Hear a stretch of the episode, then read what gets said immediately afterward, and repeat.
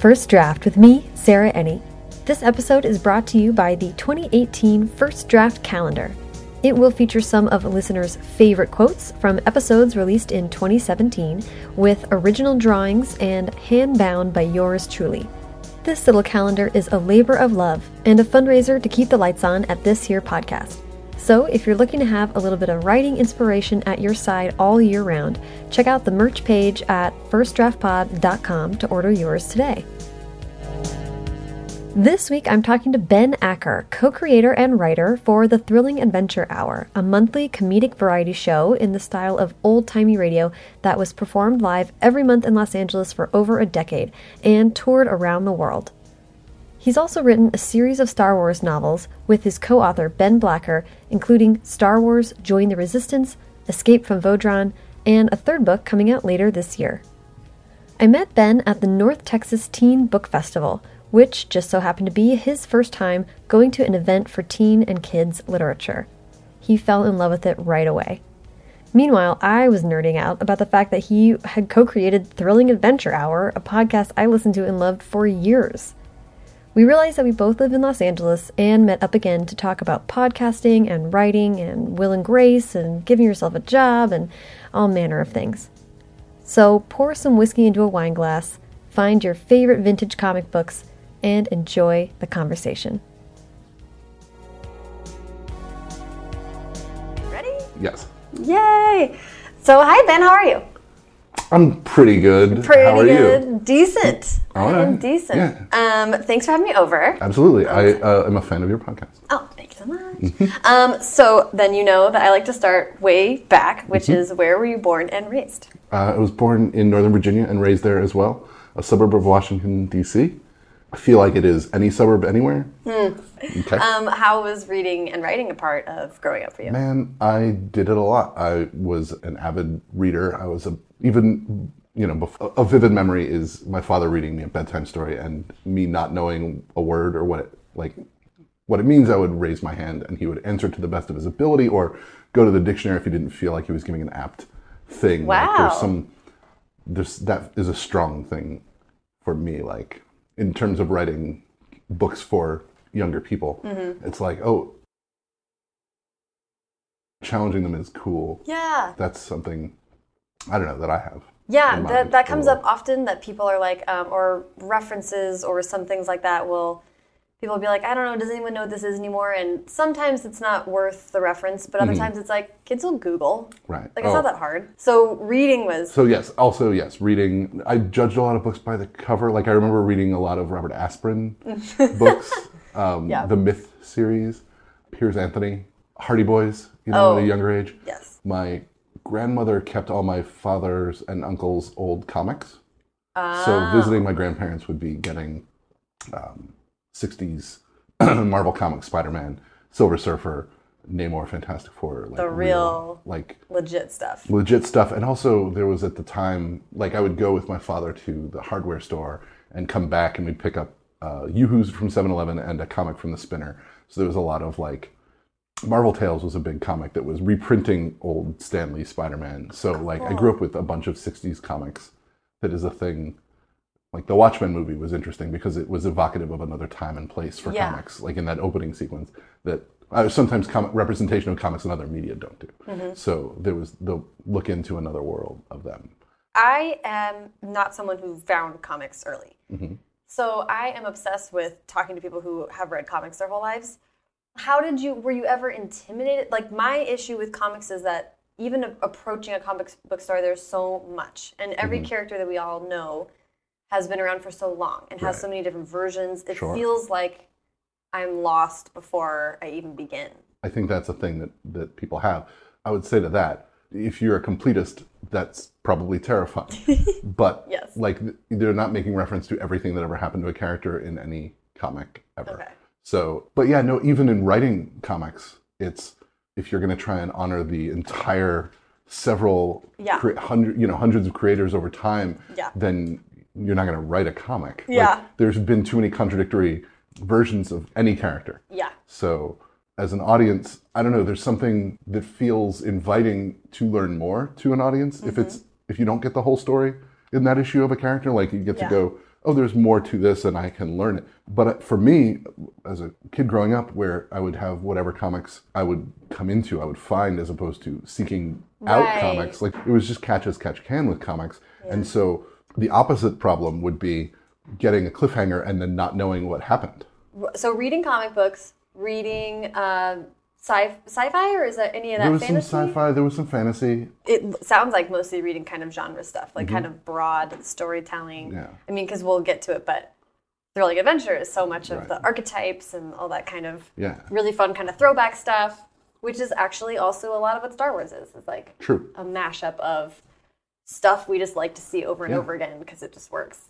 I feel like yeah, we Raiders was a big one for contextualizing thrilling for us. Like Yeah. was let's take the characters seriously and put them in the genre stuff. How did uh, or when did reading turn into writing? When did you give it a go yourself? I was writing in high school, writing sketches and plays, and someone asked me what I wanted to be when I grew up when I was in high school, and the answer was a kid in the hall. Like, oh yeah, I wanted to write sketches and be in sketches. the Kid in the Hall comedy. the kids in the hall, yeah, group, the comedy yeah. sketch group uh, from Canada, who were giant, like they were our Monty Python. We weren't at Mr. Show yet. It was kids Yeah. in the hall with was on TV, and we would watch that and do their sketches in drama class, and like wanted to be them. So, and I remember in young grades, I wrote a series of detective stories that were full of terrible puns. a punning detective. No, he, like it, he wasn't punning. It was like his name was Who Done It, Oh, I like see. I that see. kind of like metatextual puns. Uh, But that- comedy, Co- yes, comedy and genre.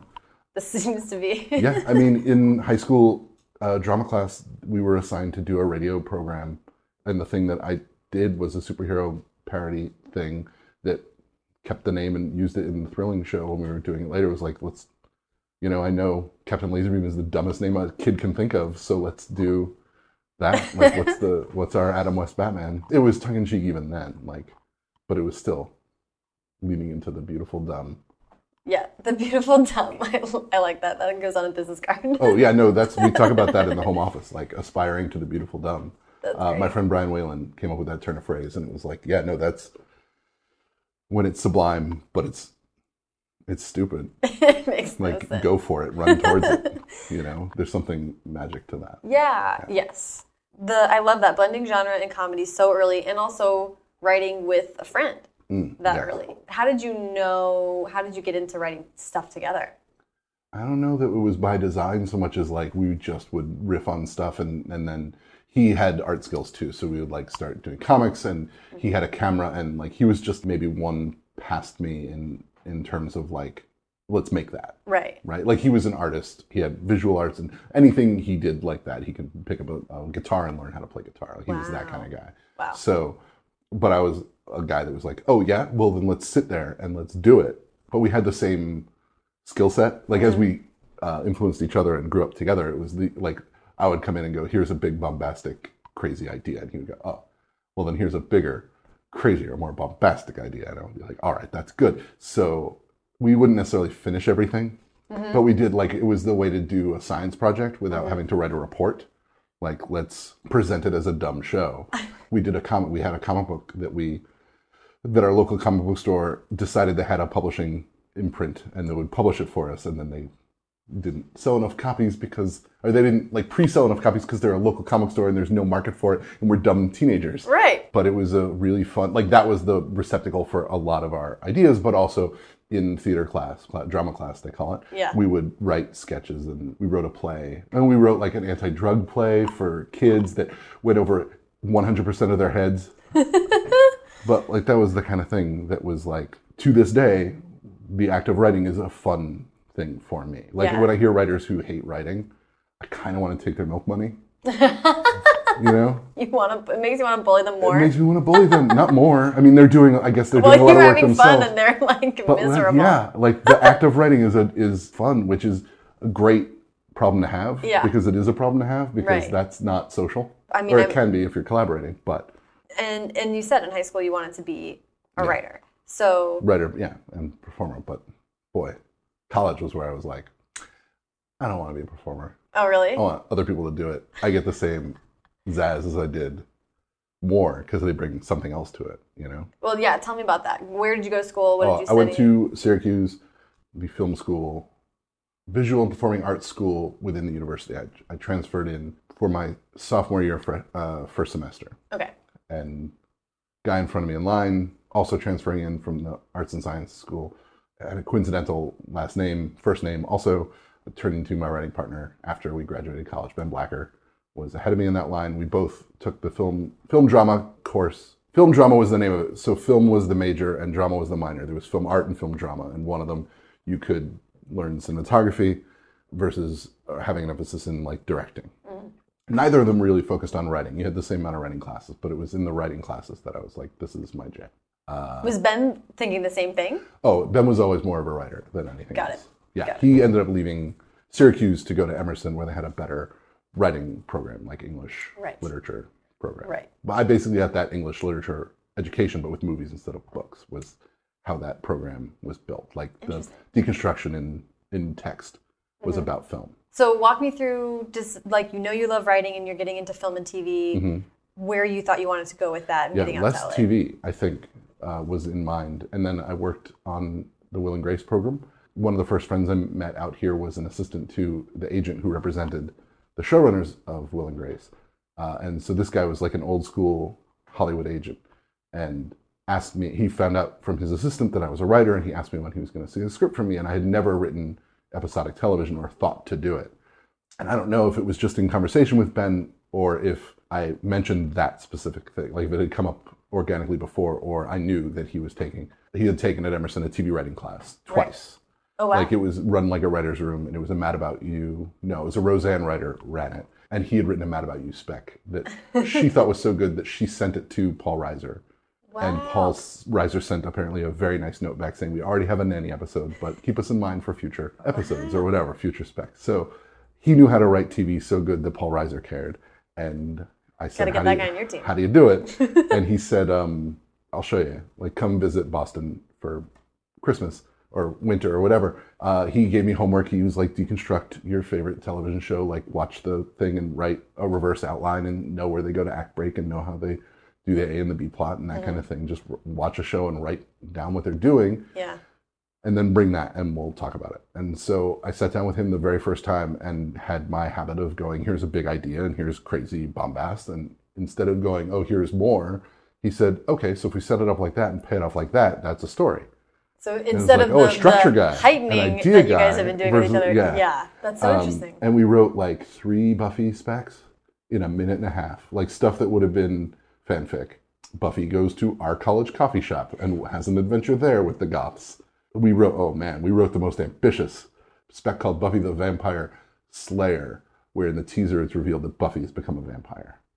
And it's like a future, Days of Futures Past kind of a thing where oh my god. we were like, here's what happens to all the characters, but they send each other back to stop the bite from happening. And it was a whole thing. It was like, yeah, we get to write what happens at the end of Buffy. Like it was Amazing. inappropriate for any kind of spec, but but it was like learning that we wrote really well together. Part of that is having the same sensibility or similar sensibility, and So, that you yes. Mm-hmm. and compatible styles, like the structure to your Yes. idea machine type Right. of thing. That seems like the trickier part to find. Yes. A partner in that. Well, I think they're probably equally important. Like if you work together to crack a story, but you don't agree what that story should look like and, and end up, that's going to be worse than if you just can't make a story. Right. You know, then you know Right. to call it probably. I love that you hadn't tried writing TV. You were still doing sketch, I'm guessing, in college, and maybe trying Mm-hmm. I guess it was more in the the short film kind of frame on it than like Yeah. sketch, but yeah, probably essentially sketch. But and then yeah, you and gotten- movies was my plan was Okay. like to to do movies, although I didn't finish any of them. But you got an internship on Will and Grace. No, no, I got hired. Oh, okay. Uh, and that was because I had a roommate from college who had moved out after me, and he was a real go getter. And I'm like, I I did like a, a gig a day as a PA on a, a bread commercial, and I got involved in uh, gripping on a low budget indie feature, like terrible work. While my roommate like systematically called all the production offices in town and interviewed everywhere and went in for this great interview and all but got the job, but they had to hire somebody's nephew. So he went and got another job, and that nephew screwed up hard. so they called my roommate and said, Can you take this job? We're sorry we didn't give it to you in the first place. Right. And he said, No, I already got another job. And they said, well, we really need you. We really need you. Yeah. He said, well, my roommate's looking. So I went in and they were like, do you have a car? And I said, yes. Do you have a Thomas guide? Yes. You're hired. That's so great. I was like, I don't know if I want to work here. I don't love this show. Do you have to love the show? Nope. But everybody on it was great. You Yeah. know, It was second season, like they were riding high. That was the season when the network got them Porsche Boxsters. Oh my god. Those days where like syndication was the thing. I know. I was going to say TV in the '90s. My lord. Uh, Yeah. I'm, as you know, rewatching all of Will and Grace, and it is Mm-hmm. a sheer delight to me. And I feel like I'm learning a lot. Some of the stuff is dated as hell. Like there is an AOL logging on joke, and I was like, oh, interesting. And their outfits, but so much of it is just like, it just feels like a stage performance. It feels like one of an old Mm-hmm. Yeah. time. Oh yeah, no, it's technically one of the sharpest shows of all time. Flawless. Our agent, because he repped them, like we we wrote, I want to say a Malcolm spec featuring Sparks Nevada, Marshal and Mars. It was Malcolm goes to the Comic Con and sees this. It was repurposed Pete and Pete idea that I oh. had. So I guess I, I wasn't outside the realm of TV. Like in college, I was like, I could write that Pete and Pete episode where Right. Pete meets his idol working in a shoe store, Bruce Campbell as Sparks Nevada, but never got around to writing it. And then we wrote a Malcolm that was like a lot of the, the underpinnings of what would become Sparks canon stuff. And so we gave it to the agent, and he said, "That's great. Write me a Will and Grace." I was like, "I don't know how to write a Will and Grace. like, I, I don't get any of the references on this show. They're not. Right, they're right, not for me. I don't know what a Manolo Blahnik is. I don't know." And Blacker was like, "Oh, we can totally run because it's set up punchline, set up punchline, set up, set up punchline. Like, that's the stuff. We just have to like sound close enough. Like, we have to know that Manolo Blahnik is where you put what you put in the shoe joke, Mm-hmm. and then we can move on." Yeah. And we wrote one that was well received at the time. It was really uh, a tight spec. It, it got us a lot of meetings, or our agent did, but it was a time where nobody was hiring. It was uh, uh, the writer strike was looming. This is not the writer strike you're thinking of. This is the one in 1999 that didn't happen. Oh, it was averted? Is- Okay. It was averted. It was, uh, but it was it was looming, and there was Who Wants to Be a Millionaire started, and Survivor started, and so there was no nobody putting pressure on narrative shows. Yeah. In fact, in anticipation of a strike, the networks all bought extra orders of, which was the whole industry working against itself. Like, Right. if you're a writer trying to have a writer strike, don't write three more episodes so they can wait you out three more weeks or months or whatever. So we were pitching around and we were, we had a lot of meetings and we almost got it. we almost sold the show to MTV. It was the only puppet based show that that year that nobody bought. Like that was the year Death to Smoochy. That was the year Oh. Crank Yankers. Man, Uh, that's right. Greg the Bunny. Like there was was that uh, uh, uh, insult comic dog Triumph was probably uh, around-ish? Yeah. I think. yeah. I mean, like that year, every every puppet got a show, Every puppet got Um, a show. but not not ours. Forgot about the puppet phenomenon. That was a real thing. It was a a thing. I would love for you to lead me from you and Ben. Re- figure out that you're great at writing together. You're kind of in this. Oh yeah, How- we tried every which way. Also, like we tried. You write the first act, I write the second act. You write the first draft, I write the second draft. There was no way that didn't work. Like we. Oh, were- it worked every time. It worked every time. So then it became a matter of going of as we figure out how to write together. What's the best use of our time?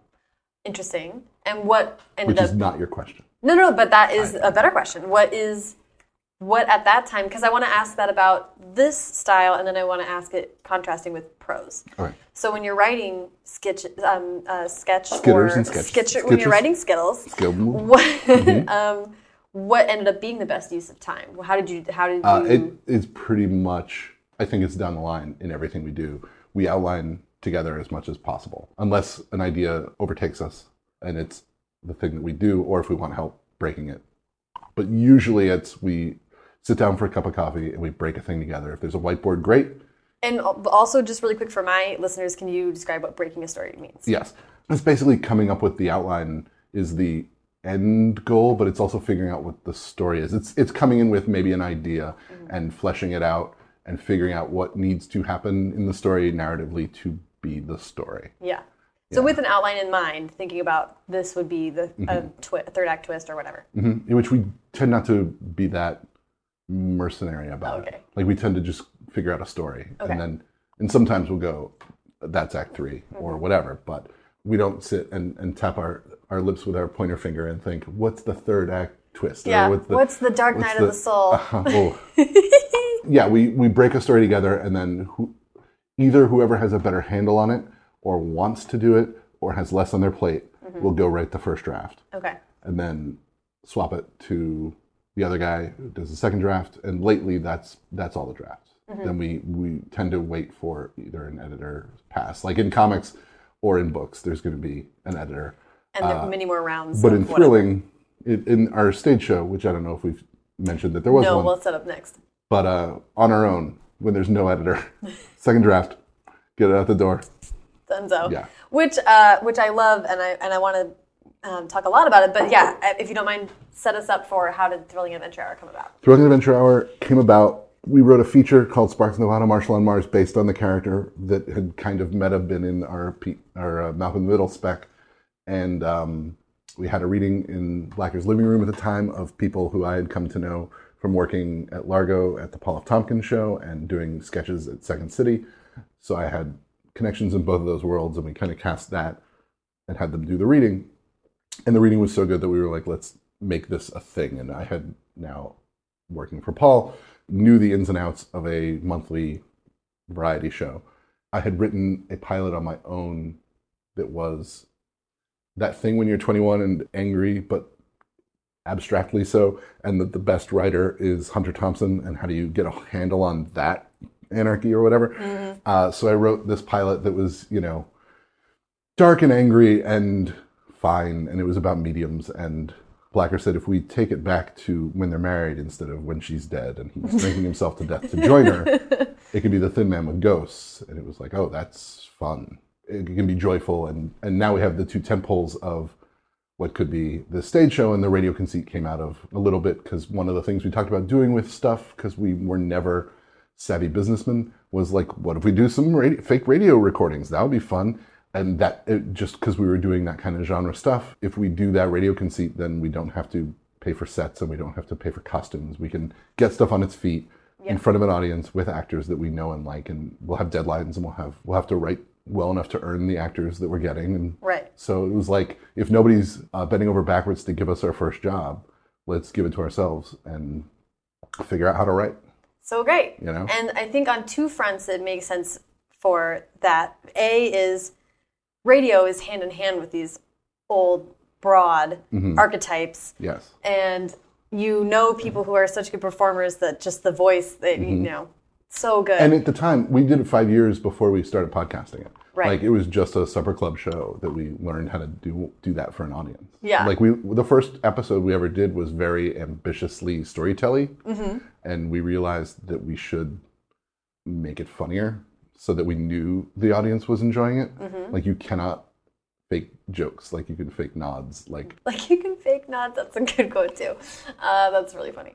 and also better for serialized, right? It's like it's about the repartee. It's about Paul and Paget. Yeah. And, well, uh, yeah, we tried not to serialize that one too heavily and then the other one too heavily. Right.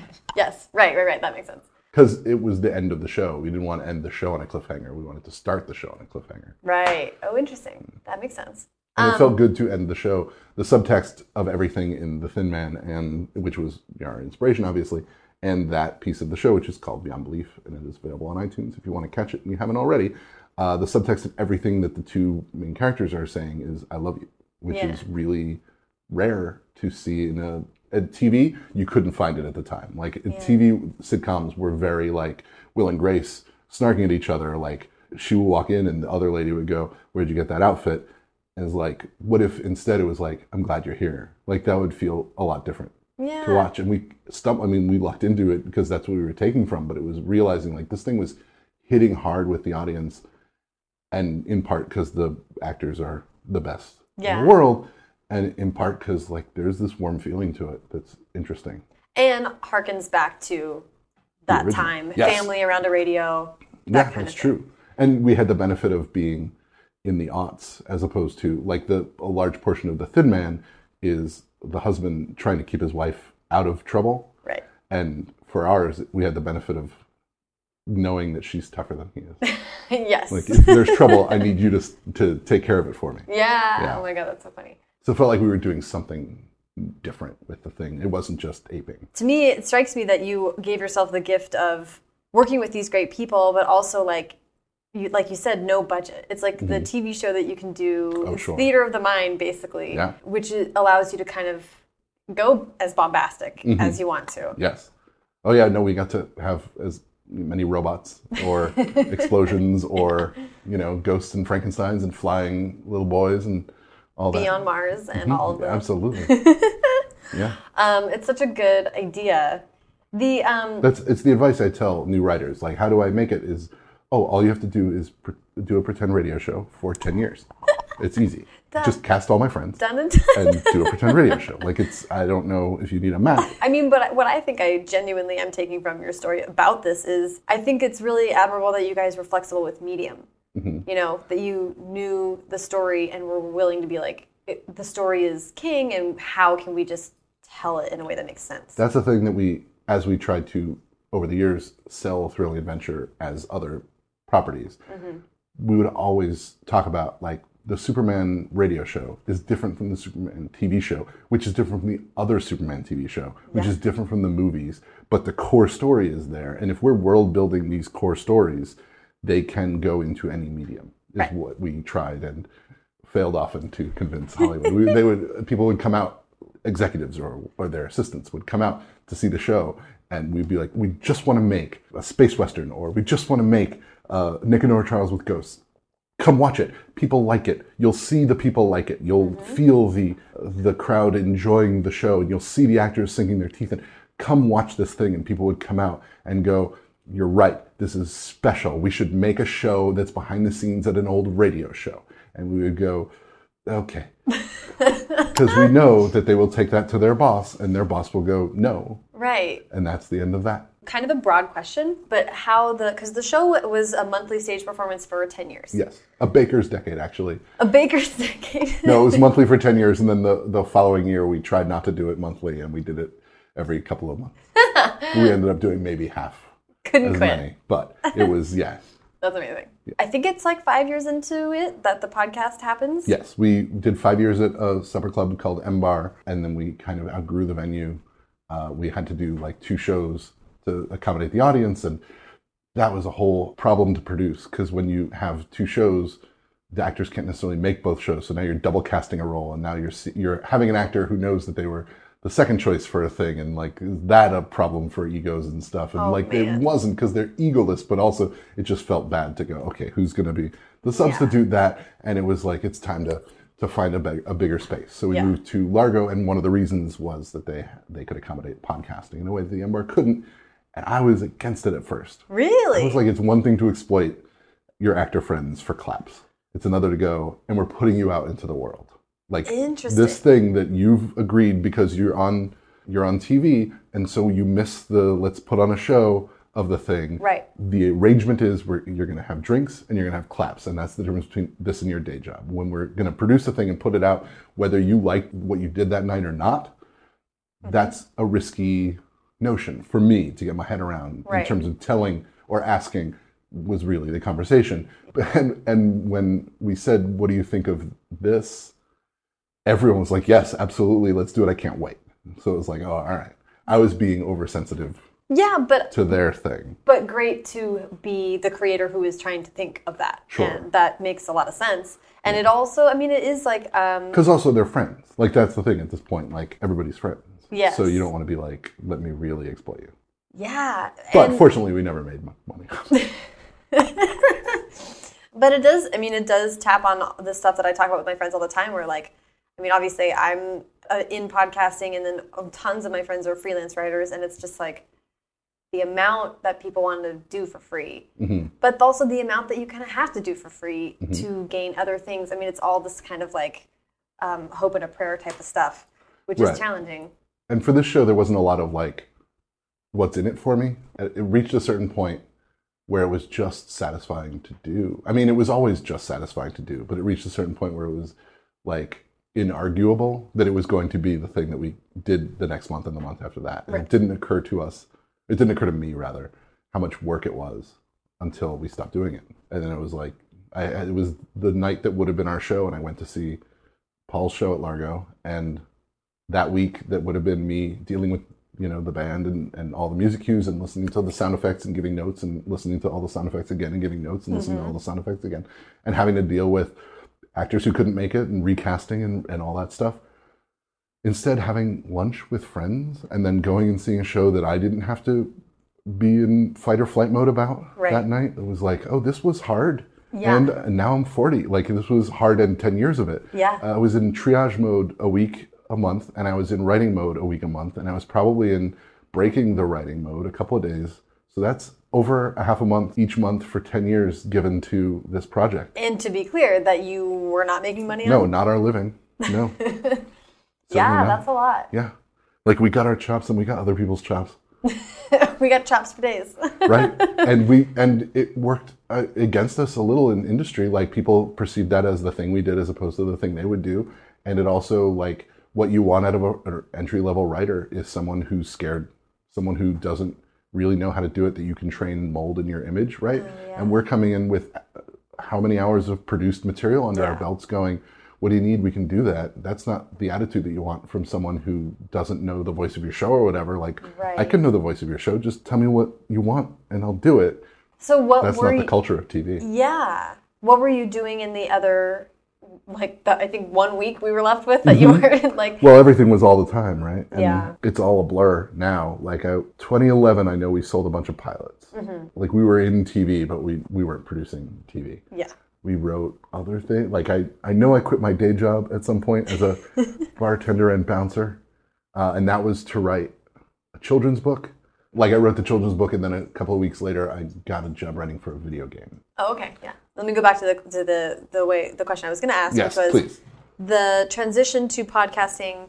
yes i remember that question Yeah, well, I'm I'm so interested in just how to me it seems like you really did that at the right time. Like it's sort of ish if we did it after serial like we decided to get out of the posting game the podcasting game right when serial hit that's true. I do Like, remember that. yeah yeah But I we're think it was savvy businessmen and in the comedy yes no we were yes it was You had fair. comedy bang bang and how did this get made and a bunch Right. of other stuff that was. uh, was Maron and uh, uh, Never Not Funny was yeah. big. I, I'm just curious about whether how that actually changed the show, or or did it change the show, or It how did changed it the change show the writing? in a way, and it changed the writing in a way. In that way where you are aware that Tumblr exists, Ah, right? Mm-hmm. Not in a way where you know what Tumblr does or is for. yeah, or like how you communicate with anyone on that site, which I still don't know. right. But like we were, Tumblr was a thing, but not in the way that it was for like a Night Vale. Yeah. You know, like we were before that. Yeah, right. You were just right before that. like I think I found out about it and was like, oh, there's stuff here from years ago. Mm-hmm. Nice. Uh, but yeah, that fan art thing and like that, I don't know, the feels, Yeah. like that kind of thing of Yeah. like what people are responding to in that way. But it didn't like it. It would just made us aware enough, Mm-hmm. and like we could do an episode about fandroids coming to Mars to Ah. see the things. We did a reverse three amigos kind of a thing. Um, finding the broader audience also meant took us out of our comfort zone. The finding the broader audience, the the short answer is uh, when John Hodgman said you should come do this in New York, we said we will try to do that. Like we made an effort to, and we went. In that very first show that we did in New York, when we played the theme for the first piece, and the narrator started talking like we hadn't really started yet. It was just the signifiers of we're doing this show. The crowd roared, and it was clear that they had heard. Like this wasn't introducing them to the show. It was just showing them the show they'd already been listening to and a part of. So yeah, yeah. that was the thing. Like so cool. it brought us to that, which led us to try more things like that. Which is the huge. Kickstarter, which was big for us, That's right. took us to a whole nother level. it was the closest we came to making money, but we spent it all on the projects that you ah. make for the Kickstarter. But that was fantastic. We did a Kickstarter to raise money to do a graphic novel and a behind the scenes web series and a concert. And we did all of those things. We achieved all our goals. Yeah. And I mean, but did it change? Oh, You how talked we, about story wrote the ideas, show? and I'm just curious if it if it did change how you yeah thought about writing. Not really, because like it all. I think that going from M Bar, which was 100 seats, to Largo, which was 300 seats, Mm-hmm. was a bigger change in terms of like trying to keep the intimacy of Yeah, you gotta play the to the original place, but playing to the back and and and also we had five years of experience writing the show, and what we did was started over. Like we took script one. This is our chance to reboot everything Oh, so we took script one and rewrote. And, Interesting. And so that was like a way to see how far we'd come as writers to go, oh, look, when we started this, we felt the need to put every idea that we had into a piece. And now it's about this. Mm-hmm. Like we know we have the luxury of time. so we can slow down and tell the story and just focus on this. We got Busy Phillips to play a part that in the M-Bar run had come and gone. It wasn't a character that really ha- was sticky, but she played it, and like the part where she was supposed to go, she told us, "I'm not done," and we were like, "No, you're not." Like this character is a part of it, which changes. Like we had another year of stuff that we kind of knew, and it's like, well, how does her presence change the story? Like it was interesting to let casting That's really change cool. the thing. So you did the comic book thing, which is that you get to reboot your universe. Mm-hmm. Yeah, That makes me so envious. it's uh, man. Anytime you can do it, like it doesn't happen in books. well, and when we did the comic of it, kind of a reboot too, and we did the graphic novel. Like each telling is like, what if this is the only thing they've read, Yeah, right. you know, or seen or heard or whatever. So cool. Yeah. The other thing that I sort of just can't imagine is having this happens all the time when people write for actors, but you also had actors who were with you Mm-hmm. for this whole duration. So then that actor, of course, these actors become those characters. There's Yes. a whole give. There must be some kind Oh, of give and take. the original Sparks Nevada in the living room that time was a character actor named Holmes Osborne, who was the dad in a lot of things. He was the dad in Donnie Darko. He was the dad in Bring It On. Oh my he God, was the dad and the president in a lot of stuff. He was the the father of my next door neighbor in freshman year of college, and is the sweetest guy. And he lives in Kansas City, Missouri, and so he is not available for a monthly show. So the search for Sparks Nevada was a thing.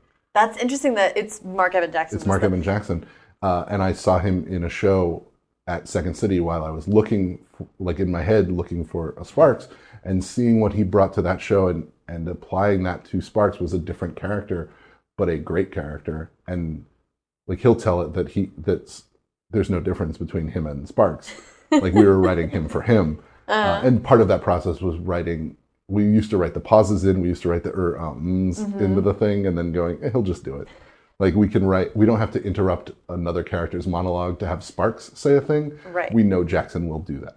Oh, and like just learning what acting is from them. You know, like there was a, a piece that we wrote in our very first episode it was called Tales from the Black Lagoon, and it was for Robert Mitchum, ideally to play. Yeah. And Mark Gagliardi took, we gave him the part, and he uh, wouldn't give us a Robert Mitchum character at all. And we gave him like uh, Night of the Hunter to watch. We gave him homework, and he said, "I'll show up at the show and I'll give you three choices, and one of them will be a spot on Mitchum." And the choice that he presented first was a character who was like naive and fresh off the bus in Hollywood, and it made all of the like tough talking, slangy stuff that we wrote uh, affectation and interesting. And it was like I didn't know why, but he didn't ever get to the other two choices. It was like do that for the other Ben. Yeah, that's it. I don't know why. That's it. And Mark told us we'd written Robert Mitchum into the the script, mm-hmm. and for him, acting class day one, thing one is if it's in if it's in the dialogue, find the furthest that you can go where that still feels true, and you've given yourself stuff to play all the way to it, like levels. Yeah. And it was like, oh, so we can write the opposite of what we want, and it will still work. That's interesting. Like that's, That's cool. crazy. Anyway, it was full of stuff like that, like whether it's concrete like that or just like learning. Yeah, the audience is going to laugh at this in an organic way. Like I know where the laugh lines are, even if they're not conventional punchlines, which Right. is a hard thing for like to show a network in your script to go. This will be funny, Right. but I can't prove it. And for me, the funniest funny is from perspective. It's point of view comedy. I don't care about characters falling down, like two characters who agree with each other but don't understand that they agree with each other, or two characters who disagree and one is right and one is wrong, uh, but they both believe it fervently, or a character who, who is wrong thinking he's right and the character who's right thinking he's wrong. Like any variation of that gets right to the core of me. That's all that is. Yeah, yeah, yeah. You know? Which is all sort of old timey dialogue like, Yeah. yeah. It was Joss Whedon said in a, a commentary track for Hush when Buffy and Riley saw each other and were fighting and in contrast to each other or in conflict with each other or whatever. He said, uh, as if this was a, an expression that everybody says all the time, ah, he said, the ridiculousness of perspective. And he crystallized in that expression my entire what I think is funny and good and worth stories worth telling. Yeah. And how do you decide where you want to go from there? What was the decision to end it like? How did you decide it was like time to turn the page? Um, 10 years felt like a good amount of years. The idea that it's easy, especially in Hollywood for some reason, when there's no seasons and no indicators of time passing or anything. You can do a thing forever and not realize it. And it felt like it was a thing that we still love doing. So rather than like do it until we resent it, felt like a shitty thing to end with. And and knowing that we that wasn't like we'll never do it again, knowing that like we still have more to do in this Right. it was like it's not goodbye it's good night. And kind of knowing like this is what this uh, gives us like this relationship with the actors and the audience and everything like yeah we have this and we'll have it. And like we need to make sure to respect it and cultivate it and appreciate it but the monthly of it is at the detriment of doing other things and we have other things to do. It's a great playground for any idea that comes in our head but we want to play with other people's stuff too. We want to see if we can turn it into tv turn it into movies. Like it was always supposed to be other things and so the other- the opportunity of like to someday do the sparks nevada movie feels like like if we put the effort that we put into the stage show into anything else what would that be? That's Right. interesting. Like Right. Were you guys? I mean, you are you were working on different stuff the whole time, Mm-hmm. but now that you have freed up your schedule, We got a job in a minute. It was great. I think we got the Star Wars book right after, and I think we started working on this great animated show called Cassius and Clay that never ultimately went, but it was a real great experience. and I feel like I want to make sure that I don't skip over the fact that you guys wrote for Marvel and in the Marvel world. Yes. To me, that feels like connected to Star Wars and diving Sure. into these other big worlds. And Flash Gordon too. Flash Gordon was the first thing that someone, Marvel and Flash Gordon were both uh, things that people saw what we did and and thought, oh, then you could do this, which was kind of the intention the whole time. Yeah. One of the intentions the whole time was to go, look, we can write. But uh, yeah, Marvel, we had arrived one day on the internet because this random fan was playing a ukulele cover of one of the theme songs from our show, and it was exciting. Like cosplay is a thing, Tumblr uh, fanfic is a thing. Like there are benchmarks of like, holy crap, like we are in the world. Yeah. It still knocks me out when someone like uh, high school kids did a production of the thing of our musical episode. Anyway. But this guy pops up out of nowhere and does this Sparks Nevada cover, and it is adorable. This guy has the cutest mustache. It's great. and uh, it turns out he's an editor at Marvel, and he, like, we liked him and followed him and all that stuff. And he said to us, uh, "Hey, can you? I know you can write funny. Can you write not funny?" And we said, "We wrote on Supernatural. We can write the least funny." And he said, "Great." Um, and uh, so he, he hired us to write a Wolverine, a retelling of Wolverine's origin story, like uh, Hulk issues 140 and 141, a, de- a decompressed telling of these two issues in over the course of five issues. Got it. So we wrote the first and the second issue. Then we wrote. Then our Kickstarter ended, and timing dictated that we write our 140 page graphic novel, and then issues three, four, and 5 Mm-hmm. So we got to see exactly how much better we got in comics from doing it all at once, getting our Gladwell time, Oh, like in that month, yeah. to go oh back to. But also his feedback on our issues was immeasurably helpful Mm-hmm. for writing our thing. We took turns. Blacker wrote issue one, I wrote issue 2 Mm-hmm. uh, as first draft guys, and I had a Mark Waid, Chris Samnee issue of Daredevil open, so that I was looking and going, "Here's what you can do in comics," because it was one of my favorite comics. Going, okay, well, so you do like three little panels of a character's expression changing, and you do this and the big thing, and so I would have like seven to nine panels on a page, and the editor said, "Okay, I'm gonna stop you. Uh, five is a good amount of panels. Fewer is always fine, and six if you don't want anything particularly emphasized. That's it. Six, and it changed the story. Uh, Changed it to a, a different story, like a less complex story. But that was the mandate. Writing for not yourself is pleasing your editor. Nothing else, right? Yeah. So that takes us to Star Wars. Star Wars. So you, I love that your ukulele connection to Marvel pans Mm-hmm. out. You enjoy working with them. I, th- you guys have done a, f- a few things with Marvel, right? Yes. Okay. We did, yeah, we did um, a couple of annuals. We did uh, a Deadpool annual and a Thunderbolts annual that were each really, really fun. The Deadpool annual was the first thing that we did for them where we were given parameters, but we were like, here's the story we want to tell. And they were like, yes, do that. As opposed to the Wolverine, which was like a, already mapped out, already outlined by the, the history of the comic. you know? Right. And so, page one, panel one, Work Juice, the fake coffee company of our stage show, was became a part of the Marvel universe. Amazing! Oh my god. Deadpool gets his coffee from there. So yeah, we did those two, and then they gave us a, a series called Thunderbolts. At first, it was you would get a series, we get a monthly comic, and then it was well, we're going to kill the team. So you guys are responsible for killing the Thunderbolts, oh my god. which was fun. That's kind of cool. It was fun to do. All right. Uh, so Star Wars, which is not as related to Marvel or anything as you no, think. I guess in just in my head, I was thinking about that those were huge worlds, Oh, huge! Yeah, and now they're owned by the same company. Right. uh, so there's a guy named Michael Siglain who used to be a Batman editor, and a guy named Greg Rucka who used to write Batman. And Greg Rucka has become a friend through the podcast. And we, I get an email from Greg one day saying, "Hey, I want to put put you in touch with Michael Siglain. He was an editor in the Batman office, uh, and now he's at Star Wars. He's one of the few examples of people who deserve their success." Which tells you as much about Siglain as it does about Rucka. And so I said, sure. And they had been talking in Lucas Publishing about an idea for a series of books about a character that was, at the time, Force Awakens had not come out yet. And there was a, just a name on the page in the script that they had read called Snaps Wexley. And they were like, this feels like a fun character. Let's, here's ideas for how to do a series of books about him. And internally, the tone they were talking about for those series of books was uh, The Tick and Sparks Nevada, Marshal on Mars. And they thought, what if we try and get those guys the, do Sparks Nevada?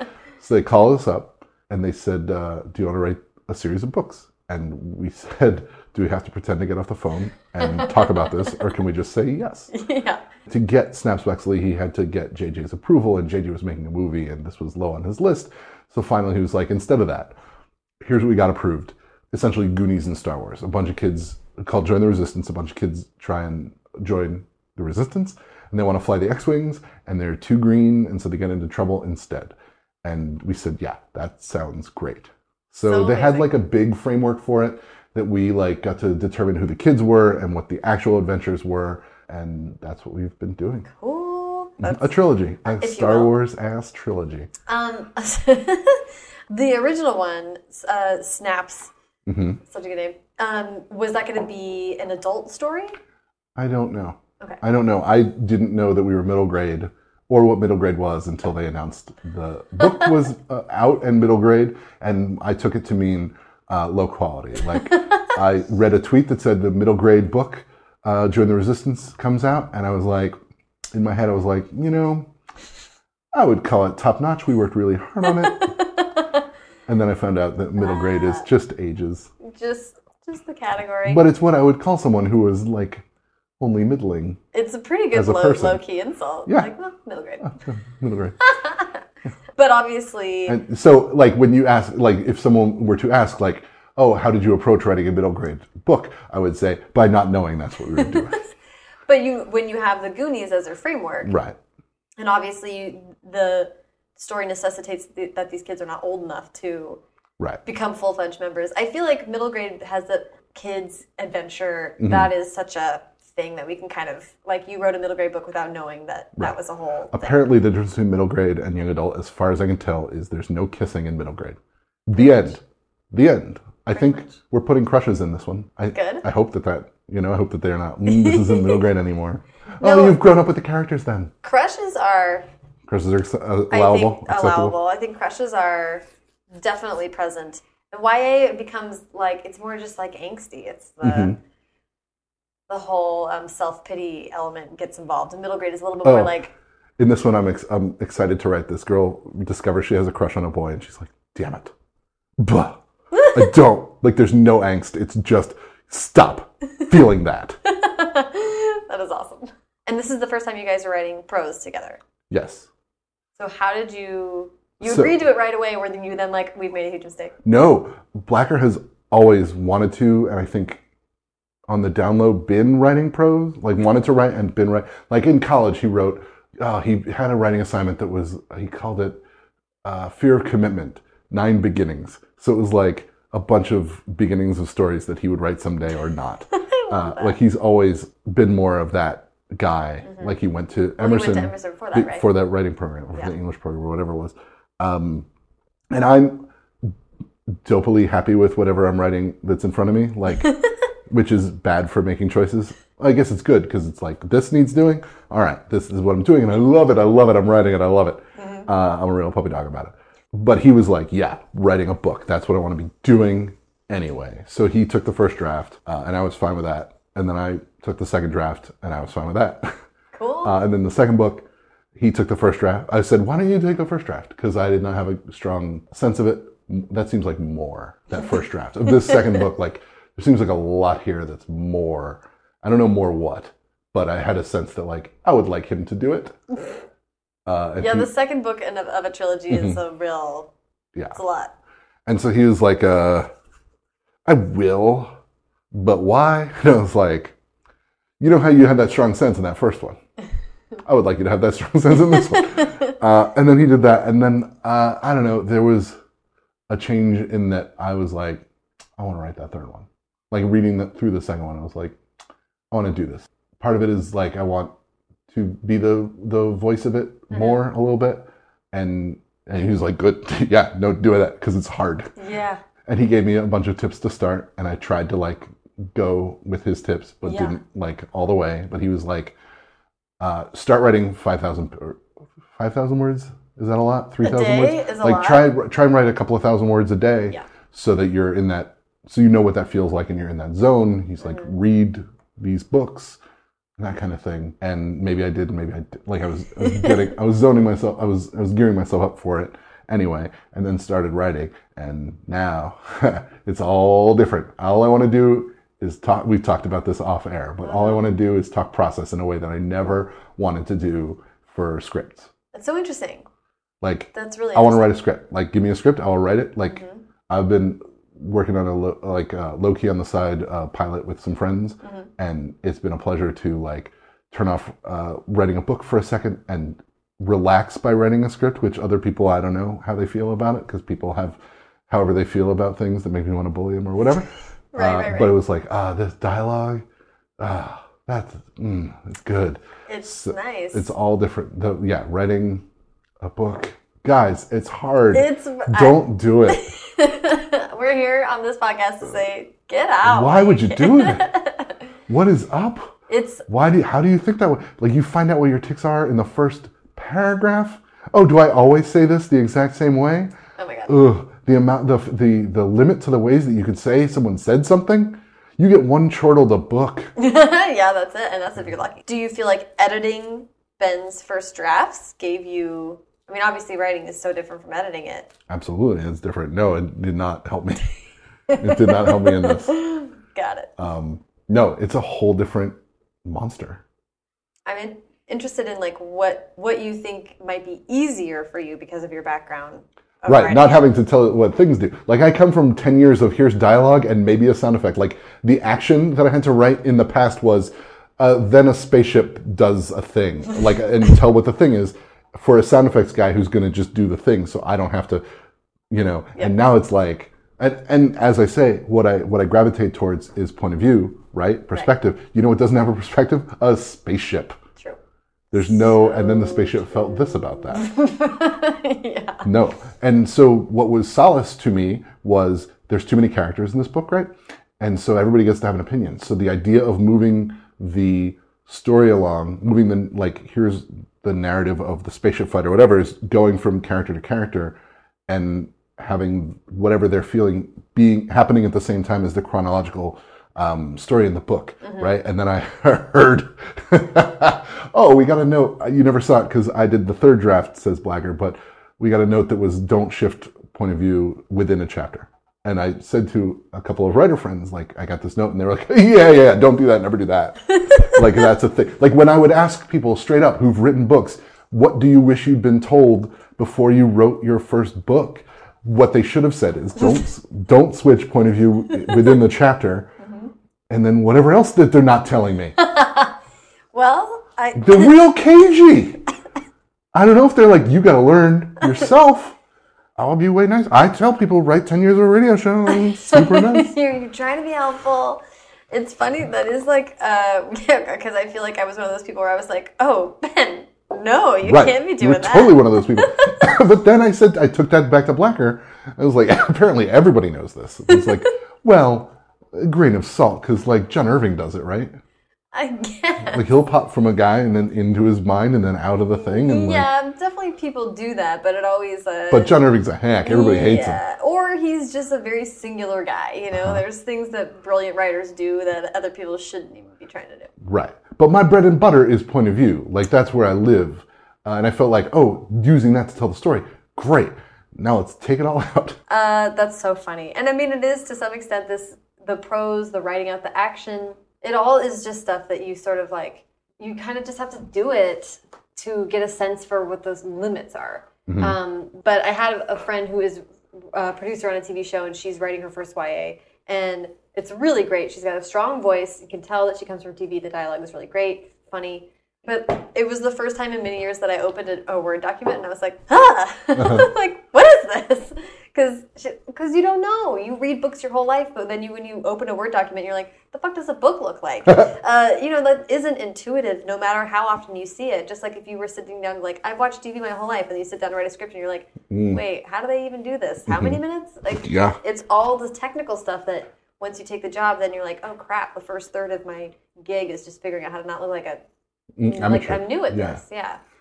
Yeah. No, and like I picked up a Harry Potter just to look at a book, just to see a thing Yeah. like the thing I'm writing in some way. And it unlocked a thing in me. Like I was writing the, the cha- this dogfight between uh, spaceships and what the kids on them were thinking. And this Harry Potter had a kid make a plan, think of like how something was going to go, and it didn't go that way. And it was like, oh yeah, yeah, yeah. I'm not limited by the order of what happens, like you are in a radio play or a TV mm-hmm. show or something, where it's like this happens, then that happens, and it's dictated by either dialogue or, or not dictated, but expressed by dialogue or action. And I feel like that's a thing like the writers holding out on me about what they wish they'd learned. Like, there's probably a ton of stuff that you're allowed to do in writing a book. Oh yeah. All sorts of side trips and diversions. You can cheat every which way. Right. But I'm learning like that thing. It, I remember reading 1984 and being impressed by the smoothness of transition from the present to the past in that. Like there mm-hmm. was not. Also, that reminded him of the time that. Like it was just he's in this and he's in that. It's an invisible move, and mm-hmm. being really impressed by that. And I wasn't like I don't know why that was what I thought reading it, but But it's true. but it's true. And I just I just pulled one of those in writing this book, like character in the moment, character thinking of a thing with probably a more ham-fisted than I would like uh, transition to it, or a, not even a transition, a lantern hung on the fact that this is the then time as opposed to the now time. Yeah. But that I didn't go a direct one-to-one like this sentence leads to that sentence Mhm. transition thing. Just like nope, I felt brave and like yeah, that works. Yeah. Like nobody's gonna be like, what? What just happened? what? No, uh, Wait a turn off that book. turn that book off. Cancel my subscription to this book. The Nielsen ratings for books are notoriously kind. Oh Yes. no, I want people to binge watch my books. that's that's everyone's goal. Um, that's so interesting to me. I love that, and I love that you're enjoying it. I mean, yes, writing a book feels more like painting a living room than uh, anything else. You just do a coat and then you let it dry, and then you come back and you do another coat and you let it dry, and you come back, and then eventually, at some point, you've done enough coats and it's done. It, it suggests a tedium that isn't there because I still like the act of writing. It just I'm used to writing 80 pages in a week, and I'm taking a week to write two chapters, and it feels like that's the thing that this is the the area that it is frustrating to me is I know that I'm faster than this, and I know that I'm new to this kind of writing, so I'm not faster than this. I'm not bigger than the game. But- and listening to your podcast has been really helpful in that, and hearing people's process and hearing like Good. it feels like a book takes as long as it takes in a way that also I don't have time for that. Yeah. I'm going to finish this book. I'm going to beat it up. yeah, and you you have a, deadline that is like real, and Mhm. um, for projects like the one that you guys take, it, it is a different playing field than people who are like allowed to Right. um, write. But hearing books. people who's like don't have a deadline, they're writing in the hope that the thing will get published, being like, eh, it takes a long. time. Like I didn't have a good writing day. Mm-hmm. Like I didn't get anything done. And the next day I did twice as much, or I did half as much, or whatever. Yeah. Like and that's okay. Is I don't know permission for me to be frustrated. Yeah, Yeah. Oh, yeah. That's per- Uh, absolutely. and and just as again like the writing itself isn't the thing it's the taking a while and and i feel like every page i get better oh i'm eager to keep writing Mm-hmm. in this form and see where that goes as a thing you know? Like i have side projects that are comics that'll, that'll go someday and i have i can write a pilot anytime. But uh but yeah like but also having a book as a thing that is a thing i've done and can do and know what it looks like. Well, there's something too, and I think you and I are similar in this that I do feel like I consider myself to be a writer. Mm-hmm. So that means that I want to, I've chosen books to be my first thing. Mm-hmm. My 10 years, which I literally am now coming up on 10 years of ha- writing, it's, it, feel, it felt important for me to focus on one thing to be like, I'm going to learn how to write this thing. So now I feel like I know, I know about story, I know about character, I know about writing in this format, but I would be so disappointed, I think, personally, just me, if I mm-hmm. didn't try other forms. Um, and every time I try a script or I read a script, I'm like, it unlocks something else. There's something that every kind of different format has to show you about the kinds of stuff that, you know, we just want to tell stories. Um, so, however they can be told, which I think ties back to what I was saying earlier that I admire you guys were like, we have this idea, let's just find the right medium, Mhm. no matter what it is. I really admire that because I want to be, if I have a new idea, I want to be really open to like, well, that could be this, that could be that. I can be flexible with my idea. hmm How does it get into the world, which is kind of the important thing of ideas? It's like we say a lot, like there's not a lot of good something does you sitting on your hard drive. Put it up. Like I tell people honestly, if they have an aspiration towards writing and storytelling, podcasting is a way to put it out. If you're just writing short prose, say it out loud, find someone who wants to say something out loud, and give yourself a deadline and put it out into the world. It's different mm-hmm. than like I did it. It's the proof is that I have it here where no one can see it. It's easier now than ever to do Mm-hmm. that. So it does feel like it sort of puts in more stark relief people's like some people just want to be frustrated. hmm And I think that the age that we're in now has made a much more clear delineation between people who want to write for themselves, which is totally fine, or to write into angst and to rewrite and to Mhm. and to just do this like anxious mind pattern of drilling themselves into the ground. And then you see other people who are like, literally, the only reason I'm writing is because I want people to read it and I want to engage the world and I want this to be a two way street creatively. And to me, that's like, I know where I stand on that. Can I tell you two things that that made me think of? Both of them are definitions of art. Because, like, what's the point of doing a thing if not to theoretically create right. art, right? Or craft, or whatever you want to say. But uh, Blacker, when he was an English teacher, had he, he did that for a time, and he had written on the board his thesis for the year, which is a thing we always go back to whenever we're like world building or creating a thing. It's what the important thing in telling a story is for us, and this is subjective, but it was basic human truth plus metaphor equals art. Basic human truth plus metaphor equals art. Right. You know, he used it in class to demonstrate to his kids why Buffy was better than the OC, because uh, it has the benefit of the metaphor of vampires. But what ultimately is true is that metaphor can also be medium, and, and the OC is valid, as he learned when we later got hella into the OC. yeah, it's pretty addictive. It's But I, I do love that at its heart, that is a bit of a hard pitch for genre. Uh huh.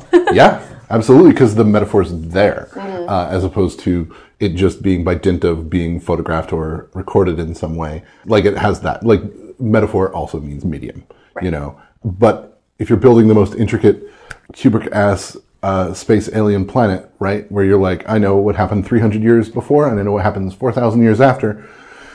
If there's no, dude, you ate my sandwich.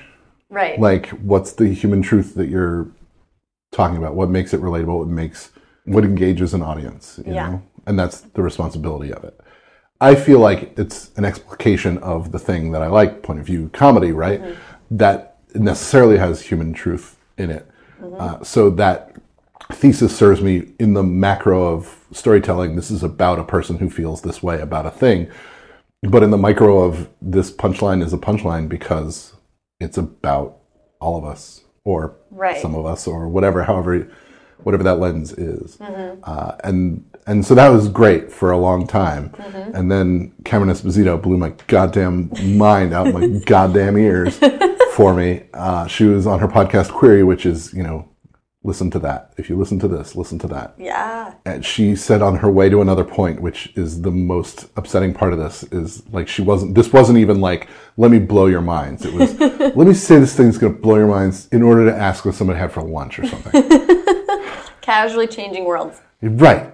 Um, yeah, it's a monstrously amazing perspective on everything. Cameron Esposito. She said, and I'm paraphrasing. She said, "Art." Necessarily challenges the power structure. It has to, or else it's propaganda. Yeah, it's huge. And like you say that, I say that, and we both instinctively let it sink the fuck in. Yeah. And she was like, well, art has to do that, or it doesn't. Blah. And so, therefore, uh, nice shoes, or whatever. Yeah. Like the nerve of her being great like that. Um, okay, and this makes me think of the fact that you are in the moment that we are in and you are getting to write a Star Wars. Uh-huh. Yeah, no, we um when we started it wasn't relevant. It was fun and it was, you know, relevant in the definition of art that I had before Cameron changed it for me. Um but we like we wrote that book while Trump was there was it was it wasn't going to happen. Right. no no thinking person could could fathom a world with Trump in it. Everything he did was was one more thing that was going to cost him the election. And then November happened, and our book got sent to some readers, and a librarian had posted, "We have a character that's his parents were First Order, and he's Resistance," and so that just was good conflict and like good character building and good using the world, and like it was just yeah, that's what you do. You have these two groups, and sure, there's going to be family stuff. And this librarian posted on Twitter. She didn't get into specifics. She didn't spoil anything, but she said there's a part in this that's going to resonate with kids who don't understand their family's politics or don't believe in their. Fa- Again, paraphrase, but um, it was really meaningful for me to read that this thing was had the potential to really impact somebody who needed it in a way that's very specific to the world that we were just edging into. Yeah. Uh, and then when I went to my first book fest, I went to the North Texas Teen Book Festival, which is where we met, which I had not. I, I was walking into my first panel, and it was a Star Wars panel, and the other Star Wars author, I was, I was saying, like, I know how to do these panels. Mhm. I've been to Comic Con and I do this, and that's a thing that I've I've experienced. And he said, "Oh, you don't know what this festival is," because I Yeah. was prepared to tell my audience that is lovable, beautiful nerds uh, that there's a different lovable, beautiful nerd book for them that I wrote over here. And uh, he said, "No, this is the, not the North Texas Teen Book Festival. This is the North Texas Teen Book Festival. These are teenagers who they love books and reading enough that they're going to get to this festival. They spend the- their Saturday. Yeah. They take a bus for hours for sometimes. hours blows my mind. Like Yeah. that, I didn't know till later. I thought Yeah. it was some North Texas stuff. The North Texas Teen Book Festival is like in the Irving Convention Center, and while you're going up the escalators, you look out on this like long Texas road, this avenue that leads up to it, and it's just school buses for Yeah. until they're just blips on the horizon. Like so it's my heart grew three sizes when I heard that. I jumped into this first panel and it was amazing. And then the second panel was amazing. And then the third panel, my third and final panel, I got invited by the by the Hales. They Oh said- yeah, they said Shannon you. and Dean Hale. Mhm. They said you've done superheroes, right? And I said yeah. They said, well, we're about to do a superhero panel. You want to jump on a fourth? And I said, yes, I do. uh, and crashed the thing. Then I signed, they bring you to sign your books. And I sat next to R.L. Stine. He was signing, you know, hot and cold running books all day. I had my hundred and I signed them, but there was something so freeing from the Trump sads that we all had because this was what, May, April? Yeah, all of us in the creative community were crushed and under the weight of what do we even say or do and how do we do it and what do we think about it and Yeah. how do we write how do we even have the doing? the freedom of of heart to write like the the ability to do anything i sat there in north texas writing personalizing 100 copies of a book writing resist and it felt like i was doing something so Yeah. right and it took me out of the trump ads and like i to this day i get trump mad and i can get trump blue but i'm not in there i'm out of it and it's because of these that's kids great. yeah That's good because that took a long time. I mean, everybody. and that was part of why i wanted to write this third book was like i want to give them something else to feel Like the second book was really like it's we started writing it in January. Trump was sworn in and we wrote a book. So I mean, I know that it's a little bit darker and is a little bit influenced by that Yeah. that state of the world, and it's um, Yeah, how could it not be? right.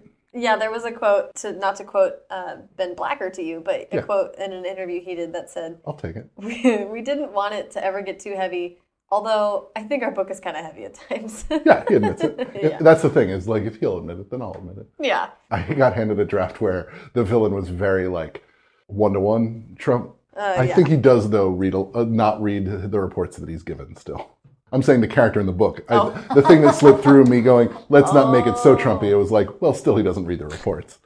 I love that. I mean, th- there's some degree to He's which taken away a lot of words. Well, exactly. I was going to say there's like caveat we survive. Mm-hmm. Then we spend the rest of our lives, first of all, watching movies, reading books, Mm-hmm. seeing miniseries about this time forever. Mm-hmm. We just relive it forever. That is what is going to happen to us. Yeah. Then the next thing is concepts of villainy Oh. need to be totally rewritten Yeah. to You- a degree that we can't even. But you, if you say the word huge, you're doing an impression. Like he's taken away a legit adjective from the language. Sad. Sad, huge. Uh, the idea of hyperbole, which was a go-to, like in the world of funny writing, like a character who is uh, bombastic or whatever is now just a direct impression of a guy. what what does irony have to bring us right now? What does hyperbole have to bring us right now? Like it's not effective. No. Um, and then what I mean that makes me think about what you were saying with um, with Beyond Belief that their sincerity was actually what broke through. I feel like if we do our jobs, then there has to be this. The backlash to it is this like earnestness that will be so interesting to see, especially within a comedy context. Like, Yeah. but I want to wrap up with with advice. Who is the ideal advice person? Well, most people who listen to this podcast are aspiring novelists. Mm-hmm. Kind of- I mean, for me, it's the advice that you hear, which is write every day, write and read, and write and read, and write and read. And the thing that I don't hear so often, so I'll say it, is go to a music show, go to a museum. It's amazing how often wheels will turn. It's a combination of take a walk if you're stuck mm-hmm. and read every day. I have been inspired by more music shows than I should as a narrative writer. You know, I have been unstuck by seeing concerts. It's that thing of it's not, you don't have to focus your brain on the idea at hand, but be in a creative space. And I don't hear that often. yeah. And maybe I'm not listening to the right things. I was just reading an improv book, which is Oh, improv is where that thing comes from. Absolutely, that's an Yes. improv thing. Read the news, know about as much. Like in improv, boy, you want to walk into a scene, and if somebody throws a book at you you haven't read, that's going to be a harder scene to do than. And so improv embraces the read everything. Mm-hmm. Like improv, you can take a class in like here are the movies, the great movies you should watch. You know, like Yeah. that's a thing that they do, and it, and there's no there's no downside to that of knowing more things than you know and seeking out the things that you don't know and aren't interested in versus what you are going to find naturally. I don't know how to do that, but it Yeah. seems like a good thing to do. yeah, and and Did I just talk over your no, no, entire? no. That's exactly. It, actually, we are making two different points of the same thing, which is great. That is such a good point for improv because you really, yeah, in the moment, have it's the the life not lived. You can't write about writing a book. You can't write a book about writing a book. That's No. just like so not the point. So live a life, get outside, get outside Sure. of yourself. And then I think I like what I like about your, what you're saying about concert is that it challenges you on the most basic level. It's not words that are making you feel anything at that point. It is this whole other abstraction. It is a different medium entirely. It's taking you out of whatever you're in. hmm But this improv book I was reading it was so funny. It's written by Will Hines, who is so so funny, and he was like, "You have to do something besides improv. Like, go do something Just have something else. to talk about. Yeah, just go have a conversation. go this, whatever. This month, if I see someone and they're like, "How are you?" My answer is, "Ugh, I'm writing a book, and let me tell you all about that." yeah, like, oh, nope. yeah, right. You have to be like, no, I'm gonna like do anything else. Talk Mm-hmm. about anything else. Be quiet for a day and just like be in the world and see Mm-hmm. what happens. But there's something also to surrounding yourself by culture and people creating. Find a community is the other thing that I say a lot. Form a writers group, find one, join one. Like I think that that's probably easier now than ever Yeah. to find something like that online in your area. Yep. But like have peers, like hang out with people who have done it more than you, People you admire. people you admire. I mean, part of the success of our show was as we were getting our Gladwell time, we had a bunch of actors who already had theirs. Mm-hmm. You know, it made us look a lot Yeah. a lot better. But also, it taught us a lot of things along the way. So, like, have peers, have find people who are doing what you aspire to do, and learn Yeah. from them in whatever way you can, whether what's it's personal saying, access like, or just reading them If or you're whatever. the if you're the The smartest, person in the room, you're in the wrong room. yeah. And it's like you should always be trying to be in the company of people that you admire and you look up to, and you're thinking Or about how doing what did you're doing. Like that's the way to. I don't know. It's a community thing. It's all a creative community thing, and even if all you get from it is manners, that's worthwhile. Wow, is that true? Thank you so much It's my pleasure. for giving me all this time, and uh, we'll have we'll catch up again. I look forward right to in the next thing.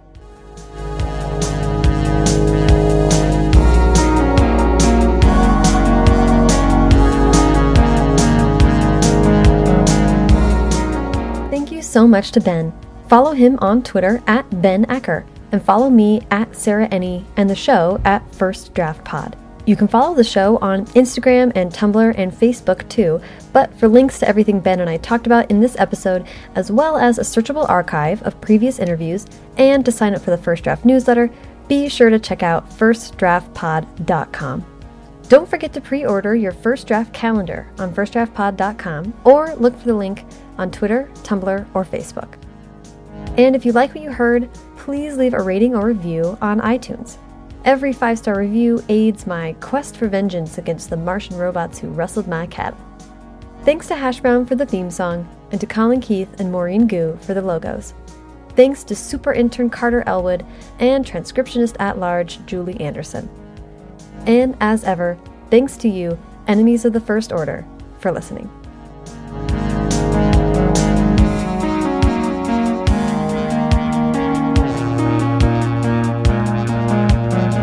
But then you find, like, for me, it's which writers do I read, you know, Mm-hmm. as opposed to like, I need to know what Spider Man's up to. Right, right. That's true. He's fine. Spider Man's fine.